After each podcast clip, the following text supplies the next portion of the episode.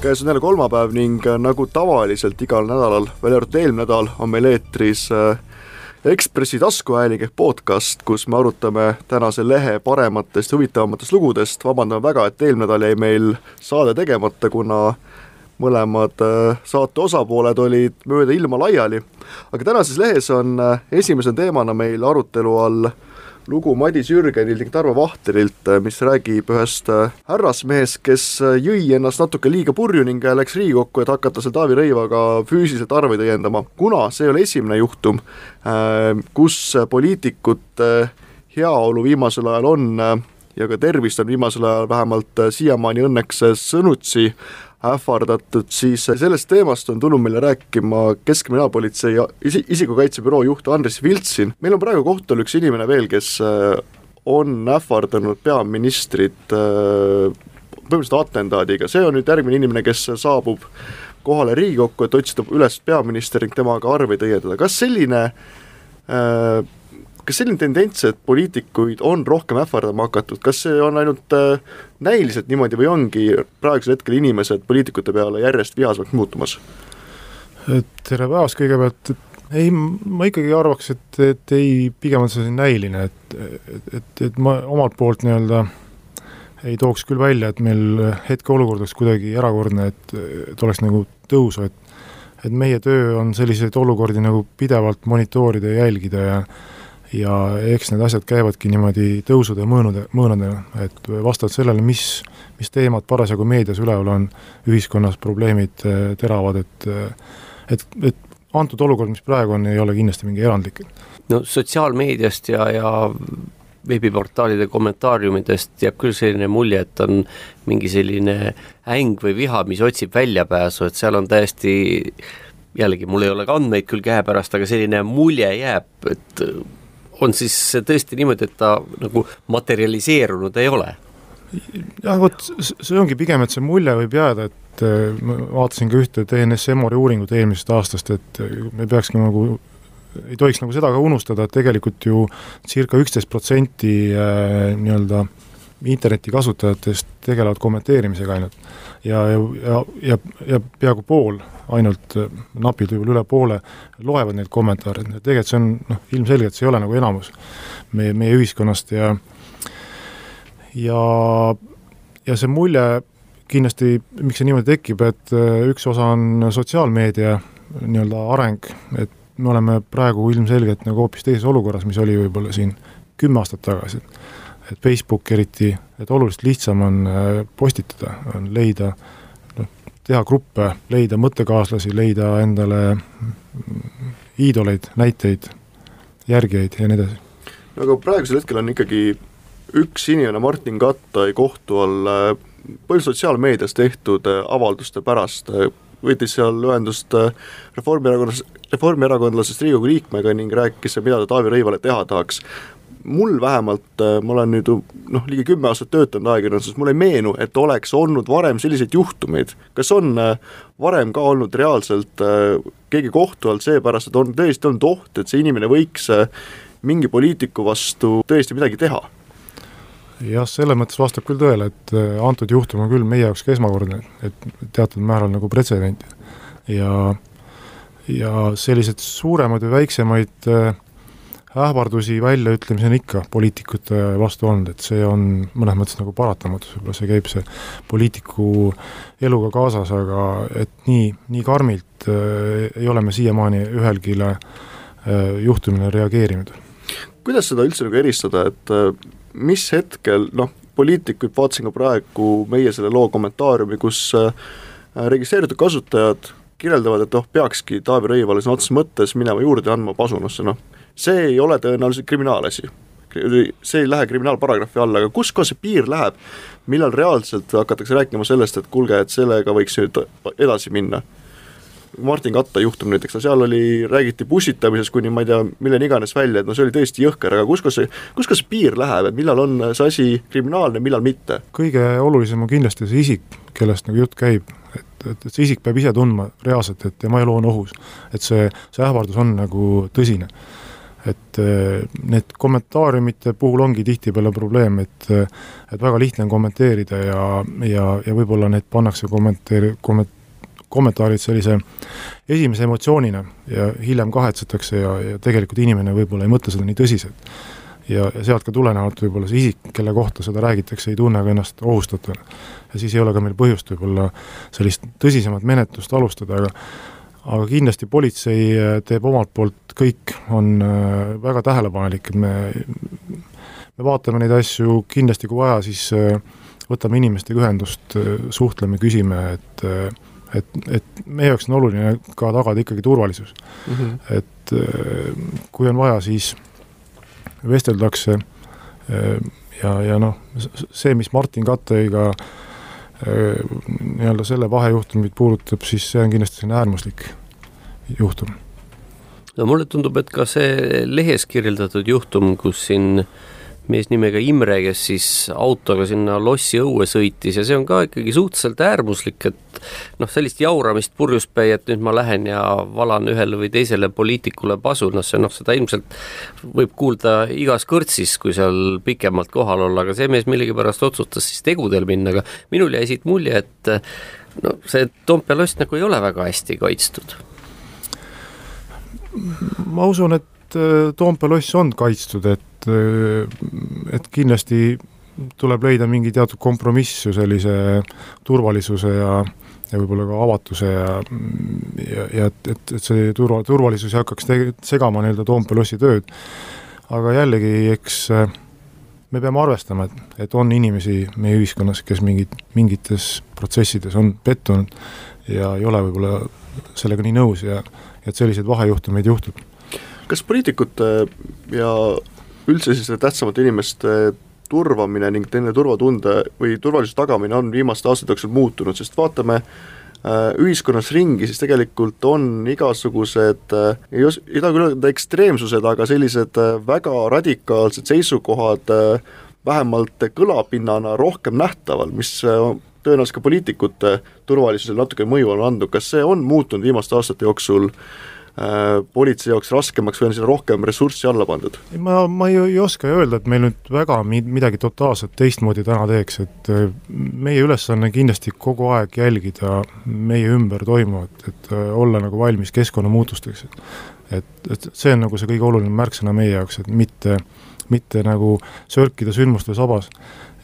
kui rääkida nagu sellest olukorrast, siis ma, ma võib-olla läheksin algusse tagasi, mis me alguses rääkisime, et just see näiline et äh, ma usun, et tänapäeval on nagu oluliselt lihtsam oma, oma ideesid kuskil väljendada, kui me räägime eriti sotsiaalmeediast, et kümme aastat tagasi, kui Facebook äh, veel eriti siinmail ei olnud kasutuses, oli, oli oluliselt keerulisem oma ideesid nagu väljendada, eriti kui see inimene, kes on mingil määral radikaliseerunud ja ja ei ole päris võib-olla nõus sellega, mida mida kirjutatakse, näidatakse, räägitakse sellises peavoolumeedias ja, ja nüüd ta tunneb endal, et on olemas selline kanal. ja kindlasti sotsiaalmeediaga teistpidi aitab paremini sellistel inimestel koonduda, leida võib-olla kinnitust, et ma ei olegi üksinda ja ja, ja olukord on selles mõttes meie jaoks on küll keerulisem, aga aga vastavalt tuleb tegutseda, et kas kõik need pagulasvastased äh, leheküljed juurde veel, ma ei tea, Taavi Rõivas maha ning kõik sellised asjad, kus on sarnased inimesed äh, koondunud, kas see on märk sellest, et selline äh, räuskav sõim on muutunud justkui mingite inimeste jaoks salongikõlbulikuks ja justkui igapäevase elu osaks. sest no tegelikult on ju räägitud kommentaariumitest aastaid Delfi näitel, et äh, et äh, kommentaarium on käest ära, seal valatakse inimesi, vabandust väljenduse pärast, pasaämbriga üle, aga mulle vähemalt tundub, et teatud ringkondades on see asi läinud nagu veelgi üle kätt, rohkem üle käte ja võib-olla see tõesti mingil määral on niimoodi, et eks me eh, peame arvestama ka selle jaoks, et sellega, et, et olukord on uus paljude inimeste jaoks ja võib-olla puudub ka vähe sellist pretsedenti, et ei võeta võib-olla väga tõsiselt seda, mis toimub meil sotsiaalmeedias ja ja seda, mida inimesed teevad nii-öelda internetiavaluses. et ka, ka see võib tekitada nii-öelda inimestes, kellest räägitakse, ohutunnet ja, ja, ja ilmselgelt sellist äh, muret oma julgeoleku, turvalisuse, oma perekonna turvalisuse pärast, et, et, et ma usun, et põhipõhjus peitubki seal, et äh, me oleme teatud määral just tänu sotsiaalmeediale jõudnud sellisesse uude olukorda. kui me nüüd võrdleme Eesti olukorda naaberriikidega, ma ei räägi Venemaast ja ma ei räägi ka Rootsist, kus pärast Olof Palme mõrva on see olukord täiesti teine, aga võtame näiteks võrdluseks Läti ja Soome. mismoodi seal seis on? Üsna sarnane, me suhtleme ka väga tihedalt äh, naaberriikidega ja, ja, ja tegelikult on see üsna sarnane, et et, et kõik sõltub hästi palju protsessidest, mis ühiskonnas parasjagu toimub, mis on nagu, mis tekitab sellist polariseerumist ja ütleme, väga kontrastseid äh, seisukohti, et äh, teemad, mis lõhestavad, mis aitavad mingitel gruppidel koonduda, et et täpselt ka nii on kõrvalriikides ütleme näiteks, kui keegi on kirjutanud, no meil oli ka näiteks kunagi meie Facebooki lehele saabus mingi kommentaar, kus äh, öeldi, et umbes, et meile võiks tõepoolest tulla juhtuda sama, mis Pariisis Charlie Hebdo'ga juhtus, siis tõenäoliselt sellele inimesele noh, andis, andis politseile teada, politsei helistas sellele inimesele. kes need inimesed on, kui neil noh, kui nad kommenteerivad, on nad tõenäoliselt suhteliselt enesekindlad, vihased, aga kui neile politseinik helistab mis nad siis teevad, kas nad on nagu endiselt sama bravuurikad või pigem tõmbavad kohe paugu pealt hoo maha? eks seal on neid reaktsioone on väga, väga mitmeid, et ma ei, ma ei julgeks välja tuua sellist ühte selget reaktsiooni, on enamuses, enamuses ma julgen öelda, et inimesed kahetsevad, ütlevad, on see tegu tehtud sellise hetke emotsiooni ajendil. tihtipeale on seal alkohol mängus, äh, mingisugune vahetult läbi elatud äh, probleem, äh, kriis, et, et on ka muidugi isikuid, kes ei kahetse, kes on äh, väga jäigalt äh, veendunud oma vaadetes, nad on väga, väga nii-öelda jäigalt kinni oma, oma ideedes ja ei ole valmis kompromisse tegema. et noh, selliste inimestega on nagu raske kas siis naljaga pooleks võib öelda, kui oleks Facebookil alkoholilukk, siis oleks teil selliste asjadega tööd palju vähem? ma usun küll, jah üks asi, mis mul on selle katta juhtumi puhul jäänud netikommentaatoritest kõrvu, on see pahameel, et tegelikult kui inimesed on teatanud politseisse neid sõimavast kommentaarist või ka ähvardavast kommentaarist, siis pahatihti äh, politsei kaalub seda, et kas see ähvardus on ka nagu reaalselt mõeldud või lihtsalt selline auru väljalaskmine. ja kui inimene läheb, pöördub, siis enamasti öeldakse, et noh, reaalset ohtu ei ole. ja nüüd on korraga siis äh, Taavi Rõivas äh, äh tema ähvardamine kohtu all, kas seal on mingisugune erisus ka selles, et üks on ikkagi riigi, riigi esindaja, teine on tavainimene või oleks ka tavainimesele selliste ähvarduste puhul äh, tavainimese sellis-, selline ähvardamine jõudnud kohtusse? ma julgen küll väita, et kindlasti oleks ka tavainimese puhul selline ähvardus jõudnud kohtusse, et kui ikkagi inimene on teinud seda nii süstemaatiliselt ja nii põhjalikult ja ja nagu ma ka varem ütlesin, et oluline on, et, et see inimene, keda ähvardatakse, ta tunneb reaalselt, et, et jah, tema elu ongi ohus ja tema perekonna lähedaste turvalisus on ohus, et eh, Martin Katte puhul oli ju näha reaalsed teod, mis viitasid ka sellele, et äh, nii peaministril kui tema perekonnal oli tõsiseid põhjusi muretseda oma turvalisuse pärast. et jällegi selliseid ähvardusi nagu ka selle artikli puhul on näha seal, neid on üsna stabiilsed ja, ja enamus neid ikkagi ei ole tõsised, et see on selline öö, ütleme noh, esimene emotsioon. kui palju, keda veel Eesti poliitikutest nii tugevalt vaenatakse, kas Taavi Rõivas on ainus selline, kes äh, kellega sellised äh, asjad praegu juhtuvad või on ka näiteks presidendiga olnud äh, sarnaseid probleeme või ma ei tea, Edgar Savisaart on pidevalt vaenatud, kas nendega on ka samasuguseid juhtumeid olnud või on Taavi Rõivas esimene, kellega nii karmiks asju on läinud? nojah, nagu ma ütlesin, et kohtusse on läinud ju tegelikult alles esimene selline juhtum, et varem meil kogemus puudub, et meie praktika, ma olen ise töötanud juba nüüd üle kahekümne aasta selles valdkonnas ja näitab, et ega tegelikult ei ole oluline, mis, mis, kes see isik on et oluline on ikkagi ametikoht ja ja kui me räägime peaministrist, siis tema ametikohaga kaasneb ju tihtipeale vastutus mitte alati kõige populaarsemate otsuste ees ja tuleb teha valikuid ja ja fakt on see, et see tekitab mingis grupis jälle pingeid, et äh, president ei ole teistmoodi, president on meie esi, esindusisik ja seal on muud põhjused, aga kui me nagu ajalukku vaatame tagasi, neid olukordi on ju palju olnud et eh, noh, And-, Andrus Ansipi ajal kindlasti me mäletame ACTA mm -hmm. ja konfliktid ja, ja, ja ka siis oli, oli kohe märgata selliste ähvarduste ja negatiivse fooni kasvu et see ei ole midagi erakordset, ka Taavi Rõivase puhul ju kui tõsteti kütust, kütuseaktsiisi, oli väga, väga terava kriitika tema suunas. Et jah, ma, ma pigem seostaks ikkagi seda ametikohaga ja sellise hetkeolukorraga. kui, kui te ütlesite, et nendel ähvardajatel on nüüd sotsiaalmeedias palju lihtsam seda enda avaldust teha, ei pea enam kirja saatma või helistama, vaid lihtsalt kirjutad Facebooki, kas see tegelikult ka lihtsustab politseil seda tööd, et sa saad tegelikult monitoorida sellist äh, arvamusi ning tegelikult näha ka, et kes need inimesed on seal taga? Jah, ühest küljest ta nagu lihtsustab, aga teisest küljest eks äh, on, nüüd on ka teistpidi probleem, et seda informatsiooni hästi palju. et äh, õnneks meil on tublid veebikonstaablid ja, ja, ja teisi inimesi, kes nagu pidevalt monitoorivad meediat, aga aga, aga sellist informatsiooni iseenesest massi mõttes on rohkem, et et kui varasemalt oli meie jaoks võib-olla kõige rohkem selliseid kirjakirjutajaid, kes siis äh, saatsid väga pikki kirju siin presidendi kantseleisse või Riigikogusse või, või, või peaministri kantseleisse, äh, siis noh, nüüd, nüüd on seda oluliselt lihtsam teha. Mis need meetmed üldse on, no siin on nüüd selgelt kaks juhtumit, kus üks on juba kohtus ja teine ilmselt kohe jõuab, aga kui nüüd tekib selline olukord, et äh, on saadetud ähvardus, mida politsei ette võtab, võtab ühendust selle saatjaga ja küsib, mis juht-, mis te teete? No ega me nüüd iga saatjaga ei võta ühendust, aga jah, kindlasti analüüsitakse seda teksti ja, ja seda konteksti vaadatakse, vajadusel uuritakse IP aadresse, vajadusel võetakse ühendust, et kõik sõltub nagu sellest kontekstist ja ja, ja, ja kindlasti on ka meil ju välja kujunenud mingid, mingi isikute ring, kes, kes teevad seda regulaarselt.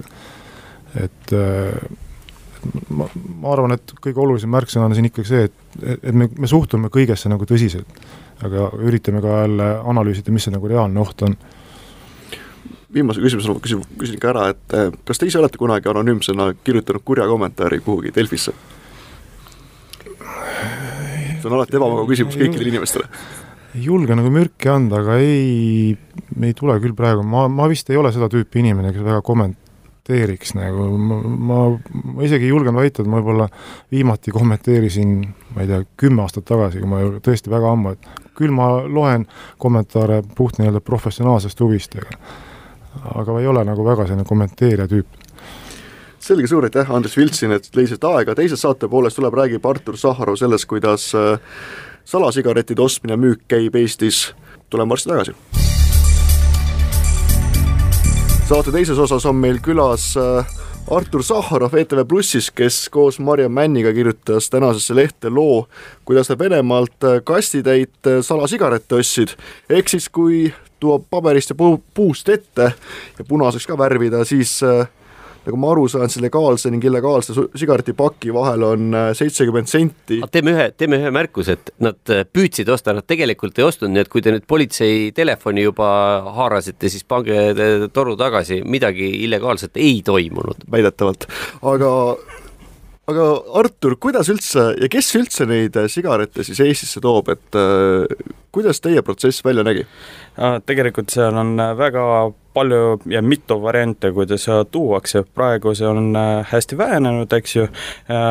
Praktiliselt on kolm suunda, üks suund on Narva suund, teine on roheline piir, ehk siis äh, lõunapiir, Eesti-Vene piir ja siis tuleb see Pärnu kandist, kus piiri praktiliselt pole, ehk siis kontroll puudub.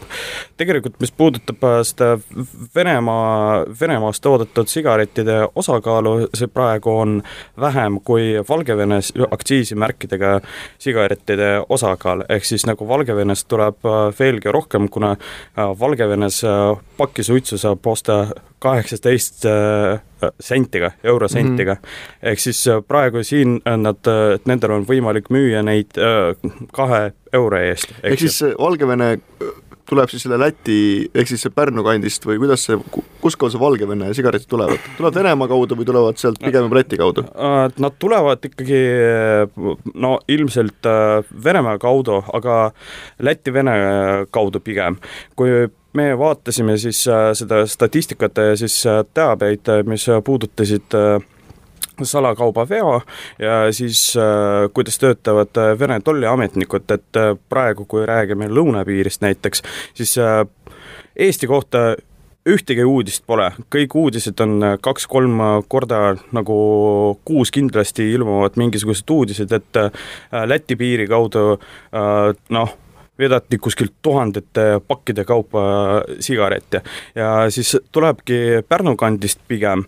see, mida me üritasime teha, äh, see toimub küll, e, ehk siis äh, need inimesed, äh, see on väga keeruline üle Narva piiri, et näiteks kasti suitse saada või lõunapiire, aga, aga see on võimalik.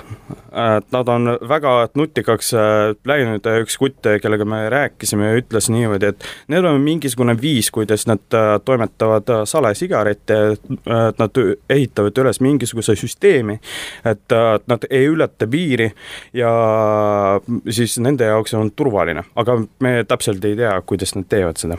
no leheloo juures on selline äh, pilt, kus äh, on sigaretid peidetud kõikvõimalikul kombel aluspesusse ja kuhu iganes, aga no täiesti selge on see, et äh, kui kunagi niimoodi isegi toodi neid ja tegelikult ju toodi, siis see on nii-öelda peenraha, et äh, see on läinud minevikku, praegu tegelevad ikkagi profid, kogused on suured, raha on suur. Mm jaa äh,, nii ja naa tegelikult see, see äh,, need on kaks äh, erinevat gruppi äh,. siiamaani toovadki sukkades äh,, siis äh, pistavad äh, rinnahoidjatesse ja, või kasutatakse autopeidikut äh, või mis iganes, aga pigem nagu äh, enda jaoks, tuttavate jaoks ja sugulaste jaoks. muidugi see, mida me üritasime teha ja, aga pole nagu saanud päris nagu kõvasti kinni äh, nendest proffidest, eks ju, sest äh, nende skeemid on noh jumala hästi salastatud ja ilmselt nad toovad siia ikkagi veokite kaupa, autode kaupa seda salakaupa. siin on nagu toodud ka graafik, et üks illegaalne pakk maksab üks üheksakümmend viis ja algselt siis Valgevenes maksab see suitsupakk kolmkümmend viis senti, kellele see ülejäänud euro kuuskümmend läheb uh,? Sõltub äh, keti pikkusest. Äh, on äh, väikesed grupid, et näiteks, kes toimetavad selle kuskil kolm-neli inimest, ehk siis kõige rohkem saavad ikkagi maaletoojad. kas need..., kas need on kes üle piiri toovad siis põhimõtteliselt? ja, ja siis need inimesed ilmselt, kes orgunnivad selle asja mm -hmm. ja kõige väiksema osa saavad need inimesed, kes müüvad koha peal, aga nende noh, kurb lugu nende jaoks on see, et nemad jäävadki vahele palju rohkem kui maaletoojad. näiteks mul kunagi endal oli üks äh, vanemaealine sugulane, see oli küll veerand, viis aastat tagasi umbes, kes elas äh, vist Kallastel väikses kohas ning äh, terve küla teadis, et tema enda pensioni pensionilisa teenib sellega, et tema kaudu müüdi Venemaa viina ja Venemaa sigarette, ehk põhimõtteliselt tulid, tulid mingil hetkel tema hoovi peale Mercedesega mehed, ütlesid, kuule, et pension on väike, et me toome sulle nüüd iga kuu selle ja selle summa, sinu käest hakatakse ostma. kas need inimesed, kes müüvad, ongi siis sellised, kes lihtsalt äh, hädasunnil noh, on inimesed, kellest sa isegi ei ootaks seda, nad ei ole sellised äh, paadunud pätid, vaid lihtsalt palk on väike, pension on väike, nemad siis müüvad edasi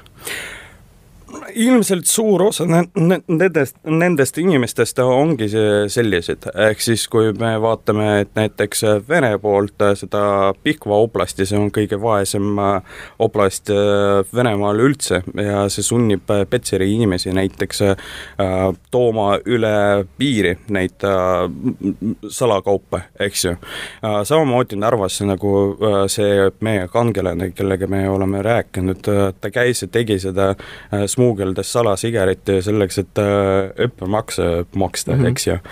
Äh, ja üleüldiselt äh, ma rääkisin mõnede inimestega, kes mm, Venemaa poole peal, siis nad ütlesid seda, et need inimesed, kes vahetuvad, on väikesed jooksupoisid, väikesed maaletujad, ehk siis kannatavad selles skeemis pigem need väikesed juppidega need inimesed, kes organiseerivad kogu seda salakaubavedu, no pigem nendeni jõuda on see on narkoäri põhimõtteliselt samamoodi, et ja. tänaval, tänaval võetakse vahele neid tüüpe, kes tegelikult on hästi väiksed tegijad. jaa, ja kui vaadake, MTA ametnikud on öelnud meile, et praegu salasuitse on väga raske osta, et, et need inimesed, kes müüvad selle no praktiliselt nagu müüks tuumarelva.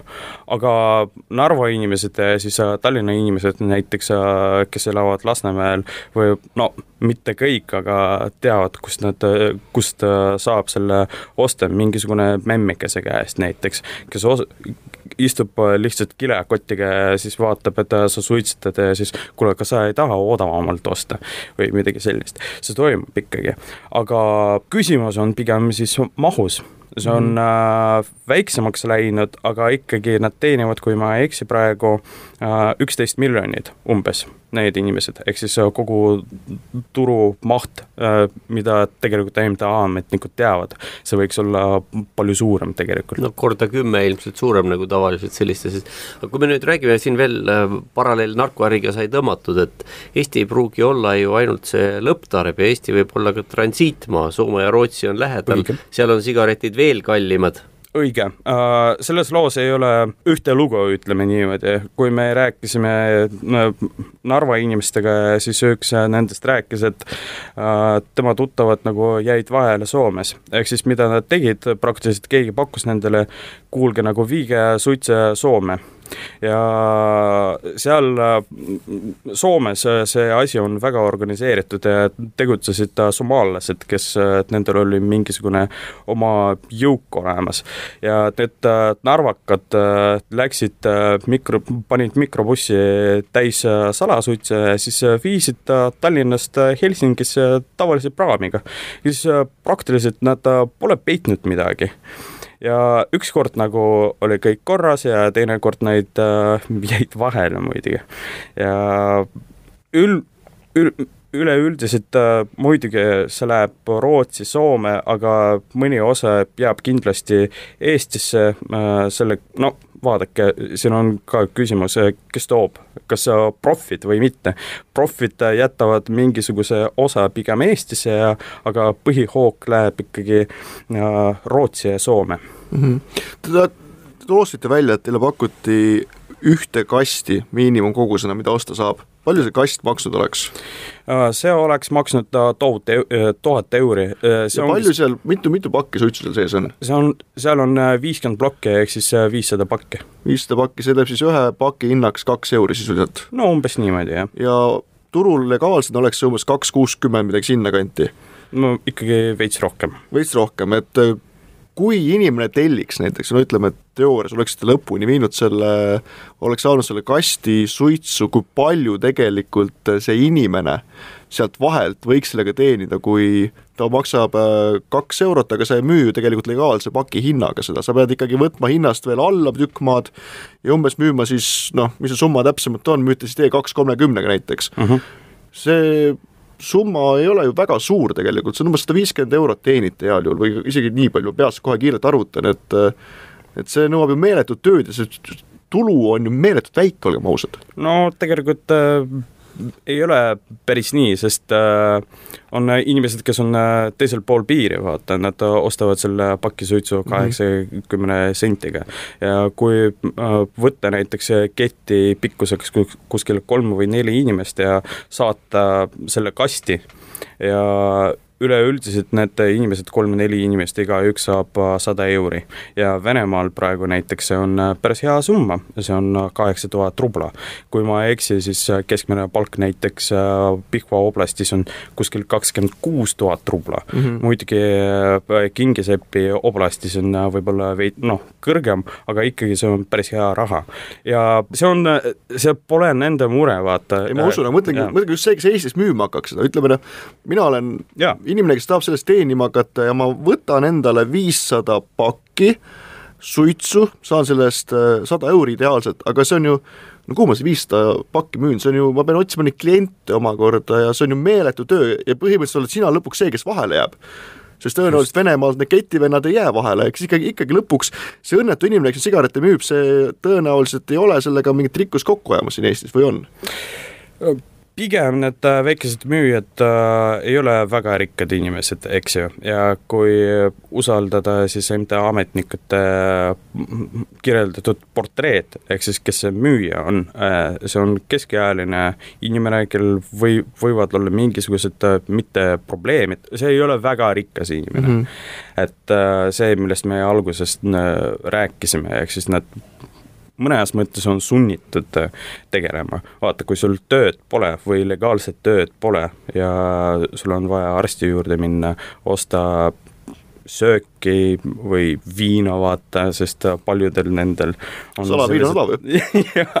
nendel on sellised müüd salaviina, et või vastupidi, müüd salasigaretti, et osta salaviina. no umbes niimoodi, aga vahepeal see läheb äh, kokku, ehk siis salaviin ja salasuits ja seoses sellega, jaa, muidugi nad ei, ei saa miljonäriks, aga mõni jaoks äh, see on raha, mille eest nad äh, saavad elada. sa, te mainisite loos, et suhtlesite kolmeteist äh, diileriga, kui ma õigesti aru sain? jah äh,, välismaa diileritega. kes nemad on, kas nad on, kas nemad on ka sellised väiksed mutrid, kes teenivad lihtsalt endale palgalisa või seal on ikkagi juba väga korralike käivetega inimesed? Jõudsid selle, selle, selle selguseni? seda me täpsemalt ei tea, aga, aga see paistab küll, et äh, Venemaal on mingisugune hall skeem, äh, kuidas need inimesed, äh, nad tegelikult saadavad salakaupa ja sala, salasigarette Venemaa piirides, kastide kaupa, ehk siis viis kasti ja nii edasi. nagu hulgi, tegelevad hulgimüügiga ja me päriselt ei saa aru nagu, kuidas nad teenivad sellest, aga ilmselt nad ei maksa makse.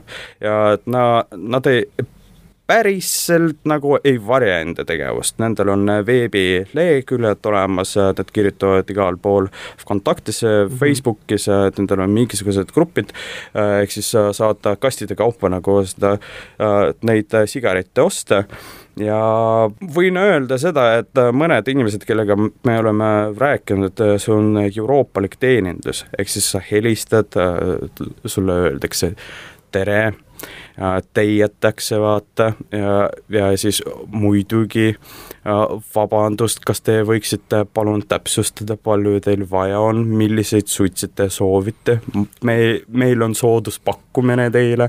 ja kas te, kas te peaksite siis maksma nagu pangaülekandega näiteks sinna või kuidas see, see käima peaks?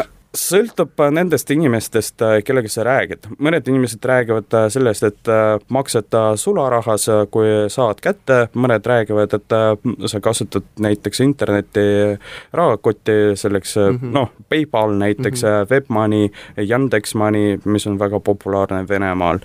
mõned inimesed, no üks kuut, üks kutt pakkus saata meile esi, esialguses lennukiga kast suitsu, aga ta tahtis raha ette ja muidugi me keeldusime esiteks, sest äh, meil pole tuhat eurot ja teiseks, äh, no sa maksad tuhat eurot äh, kellele, sa mm -hmm. ei mhm. tea, kes ta on.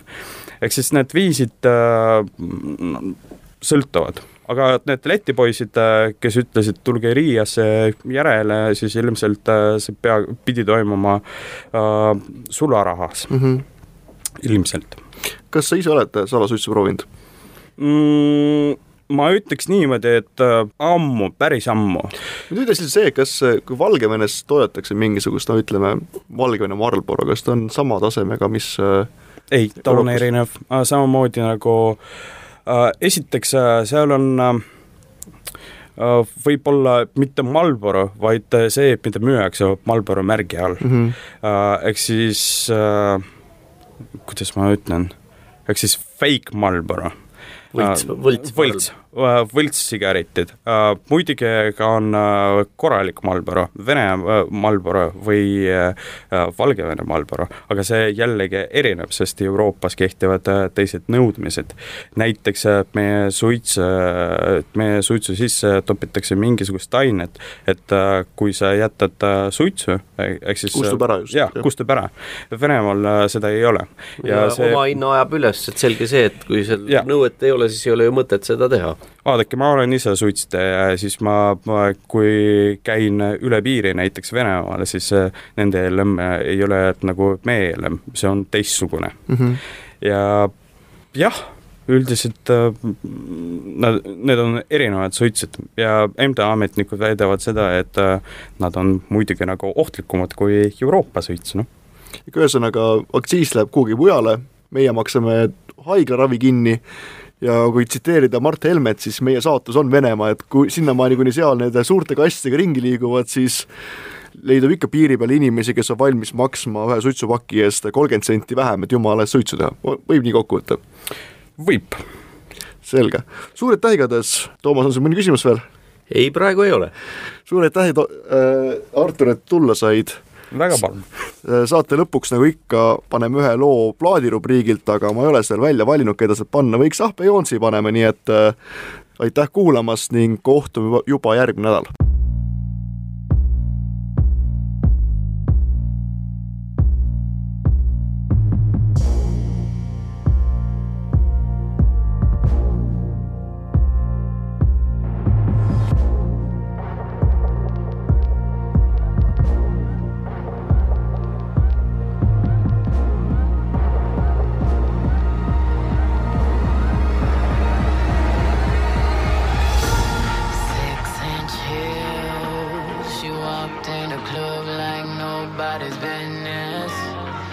Goddamn, she murdered everybody, and I was her witness. Stacking money, money.